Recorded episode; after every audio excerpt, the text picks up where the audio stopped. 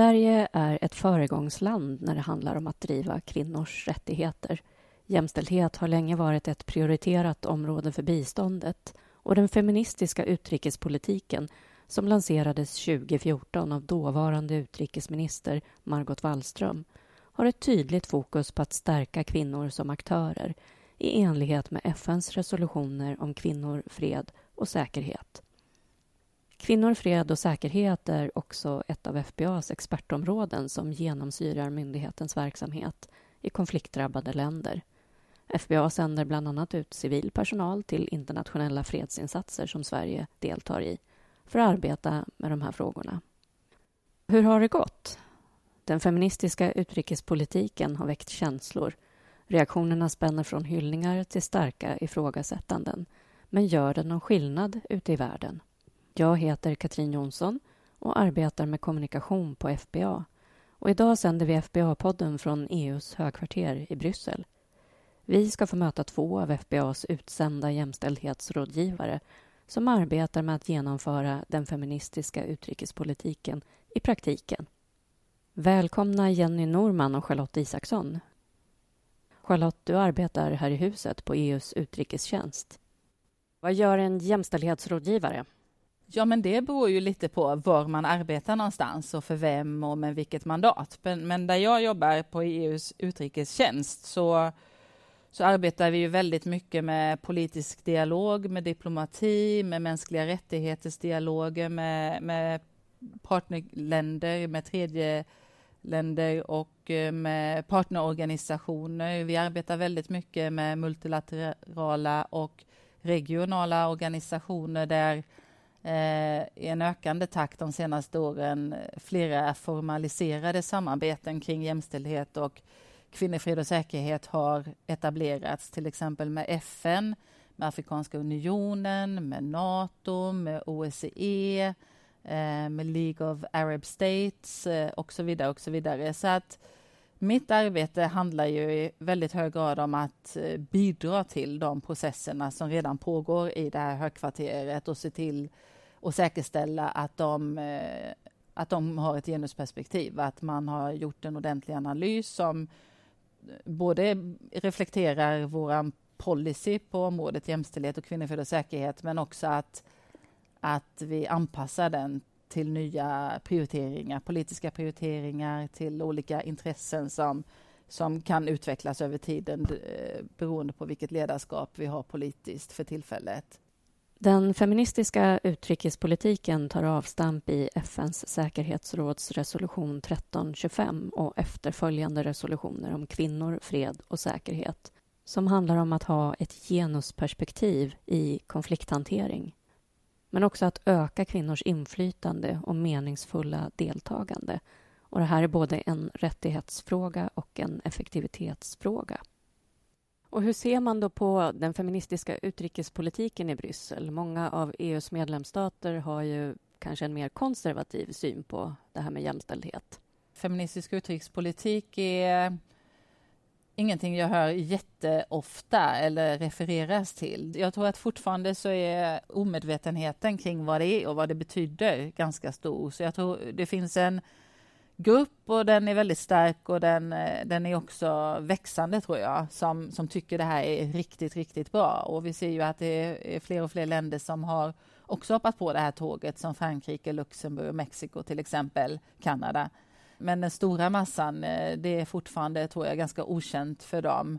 Det betyder ju inte att om man skulle ha en reell diskussion, sätta sig ner och prata med kollegor om det här, eh, att de inte skulle hålla med. Jag tror faktiskt att grundprinciperna är så fundamentala och egentligen, helt, egentligen är de ju helt okontroversiella även om, om en del liksom tycker kanske att det låter som någonting som skulle vara lite kontroversiellt. Men i slutändan är det ju någonting som som bygger på ett arbete som har genomförts under många, många, många, många år och som redan är väldigt etablerat. Så att, och sen så ser vi också att eh, en del civila samhällsorganisationer har också börjat driva den här frågan eller den här terminologin. Så att det är väl inte omöjligt att de, inom ramen för de åren som vi har framför oss, att vi kommer att få höra och se väldigt mycket mer av det här. Eh, och då är det ju också jättebra för då har ju till exempel Sverige och några andra länder ett par år i nacken då, så att man har en del erfarenheter som man kan dela med sig av. Jenny, du är verksam i EUs militära utbildningsinsats i Centralafrikanska republiken. Och du jobbar ju eh, praktiskt då med frågor som rör kvinnor, fred och säkerhet i en av EUs insatser.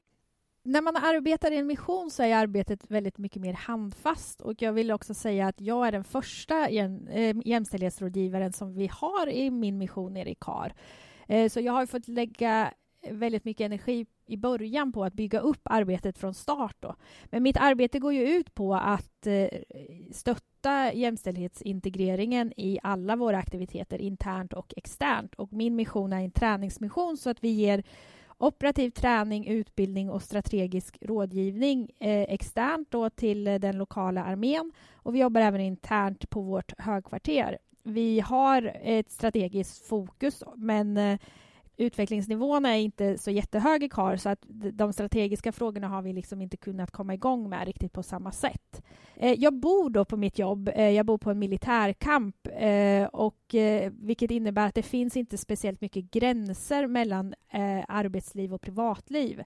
Så att när jag går upp så går jag, eh, jag bor i en container och så går jag till matsalen för att äta frukost och, och, då kan man säga att mitt arbete börjar.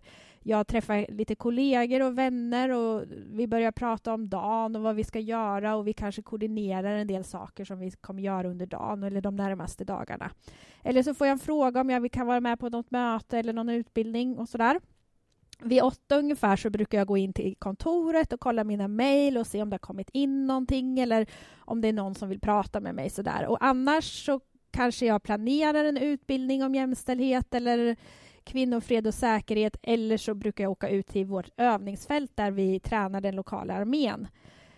Och då kanske jag håller en utbildning där för eh, soldater eller officerare och eh, diskuterar ja, säkerhet för kvinnor och män i konfliktområden och så vidare. Varje fredag så har jag något som kallas för öppet hus för eh, kvinnor, eh, kvinnliga soldater och officerare i armén och vi diskuterar hur det är att vara kvinna i armén och vad man kan göra för att det ska bli bättre och för att fler kvinnor ska söka och, och eh, olika utvecklingsmöjligheter och sådär. Män är också välkomna till det här öppna huset, eh, men vi har ett fokus på att vi ska prata om jämställdhet och så. Och sen brukar vi försöka tillgodose att det finns möjlighet att prata privat om någon vill, någon vill eh, diskutera något mer personligt, så att säga.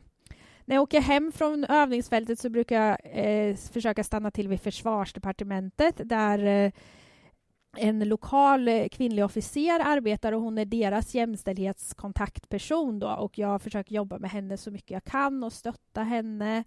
Jag kanske också stannar till på FN som har en stor insats i KAR eller Röda Korset för att se vad de håller på med och vilka utbildningar och aktiviteter de planerar.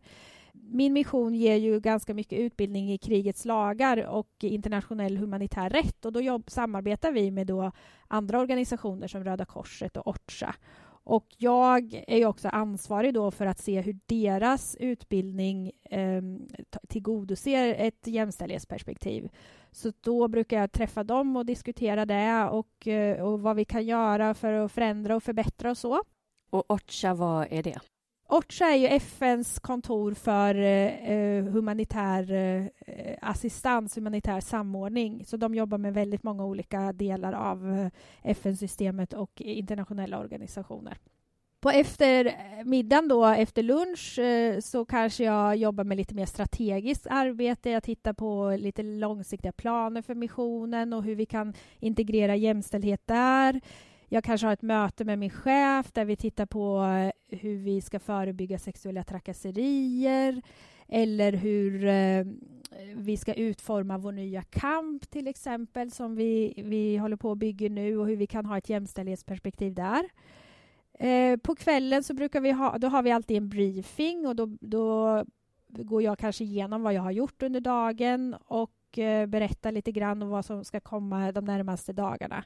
Och efter jag har ätit middag så brukar jag gå till baren eh, eller andra gemensamhetsutrymmen som vi har och hänga med mina vänner och kollegor och då brukar det nästan alltid komma fram folk som vill prata med mig och diskutera om man har frågor om feminism och man har frågor om mitt jobb och vad jag gör och hur situationen är för kvinnor i KAR och eh, och sådana här saker. Och det, det, finns också väldigt mycket frågor om det här med relationer mellan män och kvinnor och hur man ska förhålla sig. Och, ja, så ser en dag ut ungefär. Charlotte, ditt arbete sker på en övergripande nivå men ska sedan genomföras i um, fältinsatserna. Hur ser dina kontakter ut med dem? Ja, men det är lite olika. Det är klart att som, som Jenny här nu, eh, som är också utsänd av Sverige och Folke Bernadotteakademin, så har vi ju såklart eh, knytningspunkter kopplat till det, för vi ingår i samma community och därför så har vi ju ett professionellt utbyte med varandra eh, på grund av det. Men annars så sitter jag i mitt kontor, för jag är ju rådgivare till EUs Principal Advisor for Gender och Women, Peace and Security. Och hon ger ju råd till eh, vår generalsekreterare och the High Representative, så vi sitter ju ganska långt från missionerna och operationerna, alltså mellan oss och operationerna och missionerna så har vi ju operativa och strategiska högkvartersfunktioner som löser det här dagliga och, och även det strategiska. Och, och vi är ju involverade såklart i, i olika ja, operationsplanering, strategic reviews, strategiska översyner, och om det är någonting liksom som påkallar eh, att vi bör vara med. Men annars är det ju en uppgift för andra delar av vårt system. Och, och den här hierarkiska upp, uppdelningen finns ju på plats av väldigt goda skäl. Så det är också viktigt att man spelar sin roll eh, där man är. Jenny, på vilket sätt använder du dig av EUs riktlinjer i ditt arbete? Jag tycker att det är väldigt viktigt att de här riktlinjerna, strategierna och dokumenten finns för att då har man någonting när man arbetar ute på fältet att ha i ryggen. Eh, och eh, man kan visa de här papperna då om man stöter på patrull till exempel, att det står faktiskt i de här papperna att vi ska göra de här sakerna. Sen i det dagliga arbetet, i det som jag beskriver, så, så går man inte runt med de här dokumenten och, och hänvisar till dem. Det som, ett dokument som däremot är viktigt är ju FNs resolution 1325 eh, om kvinnofred och säkerhet som i år fyller 20 år. Och den använder faktiskt både jag och andra i arbetet. Man, vi har med den i utbildningar och diskussioner och, och delar ut och vi diskuterar. Det är en bra eh, startpunkt för olika diskussioner. Charlotte, hur skulle du beskriva EUs arbete med kvinnor, fred och säkerhet? Men jag tycker vi ligger långt framme nu jämförelsevis eh, till skillnad från kanske tio år sedan. Det, det har det har tagit ett ordentligt kliv nu eh, de senaste tre åren, inte minst kopplat till, till att vi har satt eh, eh, ja, vi har satt i verket ett nytt policyramverk eh, med en handlingsplan med rådslutsatser och med en ny policy där, där också alla, alla med inga undantag medlemsländer har varit väldigt aktiva i utarbetandet av de dokumenten, vilket är är, är faktiskt ganska unikt här i, i den här miljön, att medlemsländerna är så aktivt involverade så tidigt i processen. Och, och, vi har ju trott hela tiden, och jag tycker vi ser en del tecken på det, att det, att det har en väldigt positiv betydelse, för då känner ju de som har varit delaktiga i den processen och fått gehör för sina synpunkter och tankar och idéer, att det här är, det här är inte någon annans dokument, det här är vår dokument och då känner man ägarskap och då är det också mycket mer sannolikt att man kommer att implementera de eh, åtgärder och handlingar som står på det här pappret. För det är ju alldeles ofta så inom det här området som heter jämställdhet och eh, kvinnor för och säkerhet att det finns, eh, det finns papper och planer och direktiv och handböcker och broschyrer och, och allt möjligt som inte omsätts i praktiken. Och det är klart att om inte de här goda tankarna och intentionerna omsätts i praktiken, då är det, inte, då är det ju lite som en ballong. Du har ju varit med och tagit fram den här nya strategin för genomförandet av kvinnofred och säkerhet och också en handlingsplan som har väldigt tydliga skrivningar där, där man gör klart att cheferna har ett ansvar för att jämställdhetsintegrera verksamheten och det kallas på engelska Gender Responsive Leadership. Vad skulle ett sånt här ledarskap betyda? Ja, vi är ju inte riktigt där ännu, men vi har ju identifierat det tillsammans med medlemsländerna som både om det inte finns på plats så är det ett av de största hindren för en effektiv implementering och att vi ska kunna uppnå de mål som vi har föresatt oss att uppnå. Och det är också, därmed är det också en nyckel till framgång att ha det här på plats. Men ett, ett ledarskap på, på, det, på det sättet kopplat till jämställdhet, det, det betyder ju att att chefen har en tillräckligt bra kunskap så att man kan liksom kontextualisera och konceptualisera och förstå. Både när, när det behöver vara på plats och, och, kanske vad det får betydelse och vad det också betyder när vi kanske inte anlägger ett genusperspektiv, när vi inte tänker tidigt i processen, till exempel om vi ska genomföra en mission i, i något land, om vi inte tänker tidigt i den planeringsprocessen vad, vad situationen där är för kvinnor, män och pojkar och flickor i termer av både skillnader och likheter och, och hur vi måste förstå det här för att det får betydelse för hur vi ska forma vårt mandat, vilka uppgifter vi ska genomföra och så vidare. Så att, att inte ta in de här aspekterna kopplat till, till kvinnor, män och pojkar och flickor gör ju att hela den grundläggande analysen blir ofullständig. Och om man bygger sina framtida handlingar och beslut på en, en felaktig bild eller en ofullständig analys, då kommer det en dag när man får betala priset för det. Och därför är ju vårt budskap alltid att det här måste vi göra tidigt. Men det är klart, då, då bygger det ju på också att man har ett ledarskap, en chef på plats som också tycker att det här är tillräckligt viktigt så att vi ska göra det här tidigt. Det är en, en sån analys gör ju inte sig själv. Någon måste göra den, någon måste genomföra den. Och det räcker inte att vi har skrivit på ett papper att den ska göras, utan det är liksom ett faktiskt arbete som måste göras. Resurser måste avsättas. Och det är klart att, att eh, i alla organisationer är resurser knapphändiga, så det är ofta en, en tävling mellan olika prioriteringar. Och det är klart att är man då en chef som utövar ett gender responsive leadership, då förstår man tillräckligt väl att det här är en, en väldigt viktig del. Så jag måste eh, skapa förutsättningar för att det här faktiskt görs och att det inte bara görs på en, du vet, eh, ja, kunna säga att vi har gjort det och, och vara glad eh, för det, utan faktiskt också se till att det görs med en tillräckligt bra kvalitet så att det blir eh, ett, ja, eh, någonting som kan bidra positivt till, till det man ska göra sen. Så det handlar ju om att, eh, att förstå vikten av jämställdhet och att jobba för jämställdhet och att också stå upp för det, inte bara i tal utan också handling. Eh, men, men, det, men det är roligt att se att vi, vi har ett ökande antal goda förebilder som faktiskt eh, som går åt det här hållet. Så att det, det är definitivt möjligt och within reach. Redan för 20 år sedan så slog ju FNs säkerhetsråd fast att allt fredsarbete ska bedrivas jämställt och att kvinnors behov och rättigheter i konflikter ska beaktas. Idag är agendan om kvinnor, fred och säkerhet etablerad. Men samtidigt så har ju feminism och jämställdhet en, en negativ klang i vissa länder. Jag vet inte hur du ser på det, Jenny, men stöter du på mycket motstånd i ditt arbete? Ja, alltså dels tycker jag att det är viktigt att man skiljer på det internt motstånd inne i missionen och externt motstånd, det som man möter när man jobbar med lokalbefolkningen och vårt värdland, så att säga. Eh, det är självklart så att feminism har helt andra, eh, betyder helt andra saker i andra länder och det ska man vara medveten om. Eh, ja, där går jag en balansgång mot att eh, mellan att nå fram i mitt jobb och då kanske man inte använder begreppet feminism speciellt mycket. Eh, men också att vänja folk vid begreppet feminism. Att det betyder faktiskt inte riktigt samma sak i, i alla länder, så att säga, så att eh, man inte gör avkall på det. Men jag tror att det, man kommer längre fram om man jobbar med begreppet jämställdhet när jag jobbar externt med den lokala armén och lokalbefolkningen så tror jag att mycket av det eh, så kallade motståndet beror på okunskap och gamla traditioner. Och man får då komma ihåg att vi för hundra år sedan också levde på ett sätt som kanske liknar de här länderna idag.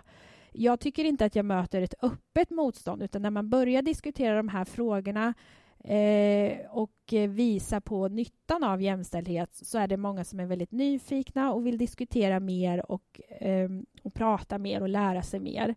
Vissa av våra soldater som vi undervisar eh, har ju svårt att läsa och skriva till exempel på franska och då kan det vara svårt att ta till sig det här som kanske är lite abstrakt ibland, just när man kanske pratar om feminism och, och sådana här saker. Så det gäller också att ta ner det här på en nivå och anpassa eh, budskapet som man ger till, till de, de man jobbar med.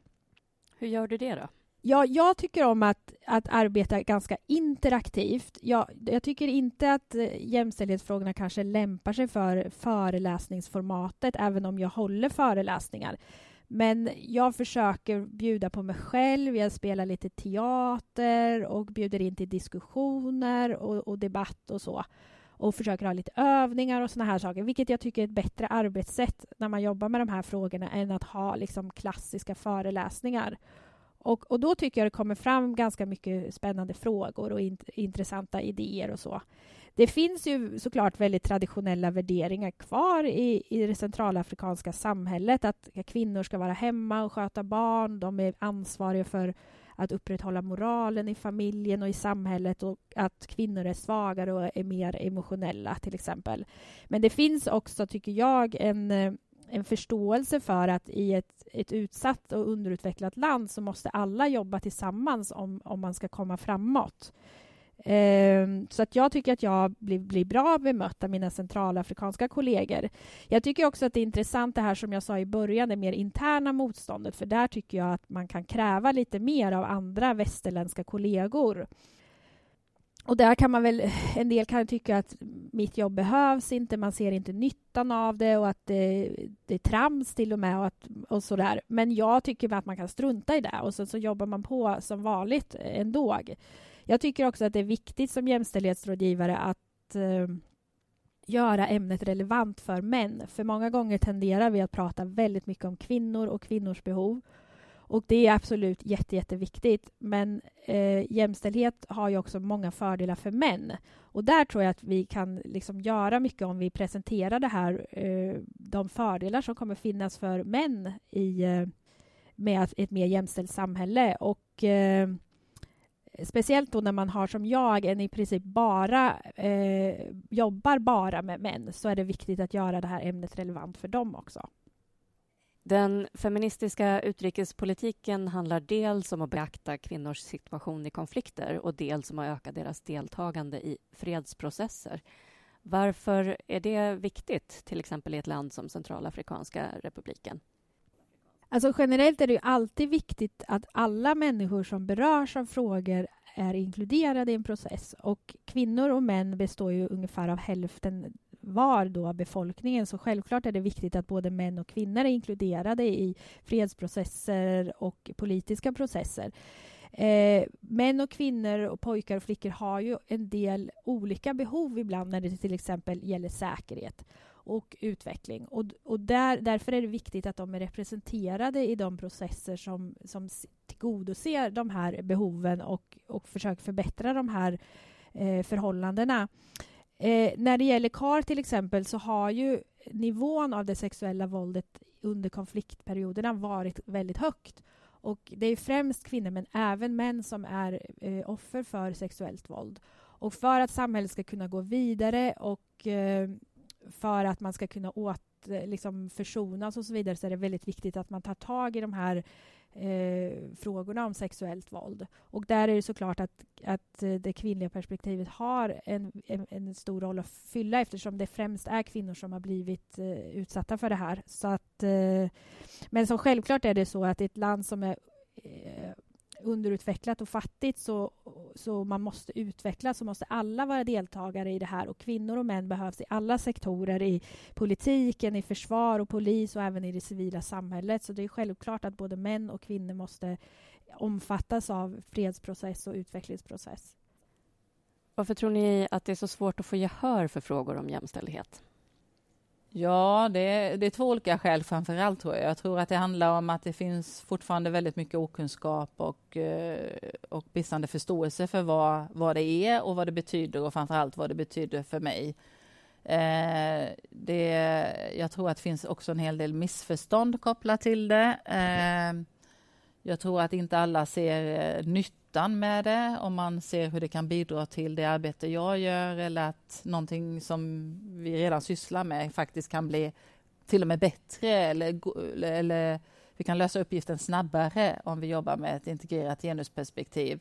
Om vi har goda relationer med hela lokalbefolkningen till exempel så, så kanske vi också kan underlätta möjligheten att få en, en, ett bättre, eh, ja, en bättre lägesbild, att få en bättre förståelse för vad som faktiskt händer och på så sätt bli bättre i det vi gör. Eh, men sen finns det ju ett motstånd som handlar om att det handlar ju såklart också en hel del om makt. Det är klart att jämställdhet handlar ju i någon mening om, om att eh, privilegier eh, är ja, mer koncentrerade i vissa grupper än andra. Och då säger inte jag att alla män har privilegier, är privilegierade över alla kvinnor, för så ser det ju inte ut. Men det, det finns ju en ojämställdhet och det finns en ojämlikhet.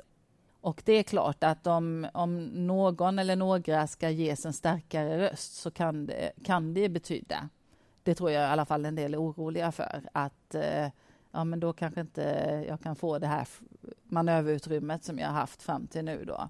Så det finns en del eh, motstånd och rädslor, tror jag, som är kopplat till makt, makt man har, makt man vill ha, makt man önskar att man hade och makt som man är rädd för att förlora. Och det gäller både kvinnor och män. Och jag har ju kikat på era arbetsbeskrivningar också. Det är en lång lista med kvalifikationer och erfarenheter och färdigheter som man ska ha för att arbeta som jämställdhetsrådgivare. Jenny, vad anser du själv att du har haft mest nytta av i ditt uppdrag? Ja, jag arbetar ju i en militär eh, mission och jag som civil. Vi är två civila personer i den här eh, missionen av ungefär 180 personer. Så att eh, jag har haft stor nytta av att jag har militär bakgrund. Kanske egentligen inte i det dagliga arbetet, men för att få eh, bli accepterad och få respekt i missionen. Eh, sen tycker jag att det viktigaste är att man har livs och arbetslivserfarenhet för att det här arbetet, man hamnar i många kluriga situationer där man måste förhandla. Man ska etablera och underhålla många eh, kontakter. Och många kontakter när det gäller mina centralafrikanska kollegor bygger väldigt mycket på förtroende och det tar lång tid att bygga upp. Eh, så att man måste veta hur man ska ta sig fram i ett eh, snårigt system och vilka strider man ska välja. Vi jobbar tillsammans med många olika länder som har olika syn på vad som är jämställdhet och det sägs saker, det skojas om olika saker och man måste kunna välja sina strider. Eh, ur ett svenskt perspektiv kanske vissa saker är ja, för mycket eller över gränsen och så, men jag kan inte hoppa på varje boll som kommer i, när det gäller den saken. Och sen så måste man ha eh, Eh, tålamod och eh, jag tycker också en viktig egenskap är att man kan hålla humöret uppe för att det är frustrerande i, ibland eh, tidvis, men man måste kunna uppmuntra de framsteg som sker och eh, och, och, och liksom hålla andan uppe och, och, fortsätta kämpa på. Liksom. Det är ett otroligt givande jobb. Man träffar massa människor, fantastiska människor eh, som vill prata, som är nyfikna och vill diskutera och, och kommer med mycket berättelser från deras liv och, och eh, personliga liv. Och eh, Man lär sig otroligt mycket och det är väldigt, väldigt givande. Kan du se eh, några framsteg? Du har varit i Centralafrikanska republiken i ett drygt år nu. Ibland så är det personer som visar tydligt motstånd som efter några månader kommer och säger någonting som man förstår att de har förstått. De ber om ens hjälp, man blir inbjuden i vissa sammanhang som man kanske innan inte var inbjuden i för att de inte har tänkt att, att man behöver vara med. Och eh, ibland kommer det personer som vill ha ens hjälp till vissa saker eller så har de redan gjort någonting själv och, och, och, försökt sig på en jämställdhetsintegrering och vill bara att man ska kolla av och sådär. Sånt som inte skulle ha hänt för kanske ett halvår sedan. Så att jag tycker att man ser framsteg hela tiden. Det kanske inte är så enkelt alla gånger att driva de här frågorna. Charlotte? Jag får nästan varje dag kvittens på att kollegor har gått från att inte se värdet av att, att ta in de här frågorna tidigt till att faktiskt se att ja, men det är självklart att vi ska göra det här.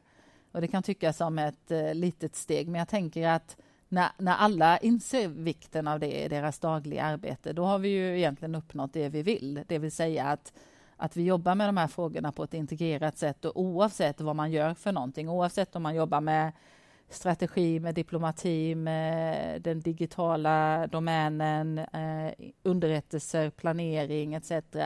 Det är ju, vi vill ju att de människorna i sin egen kapacitet ska ha förmågan att lyfta in ett genusperspektiv och också genomföra eh, i alla fall enklare genusanalyser som kan bidra positivt till resultatet av deras arbete.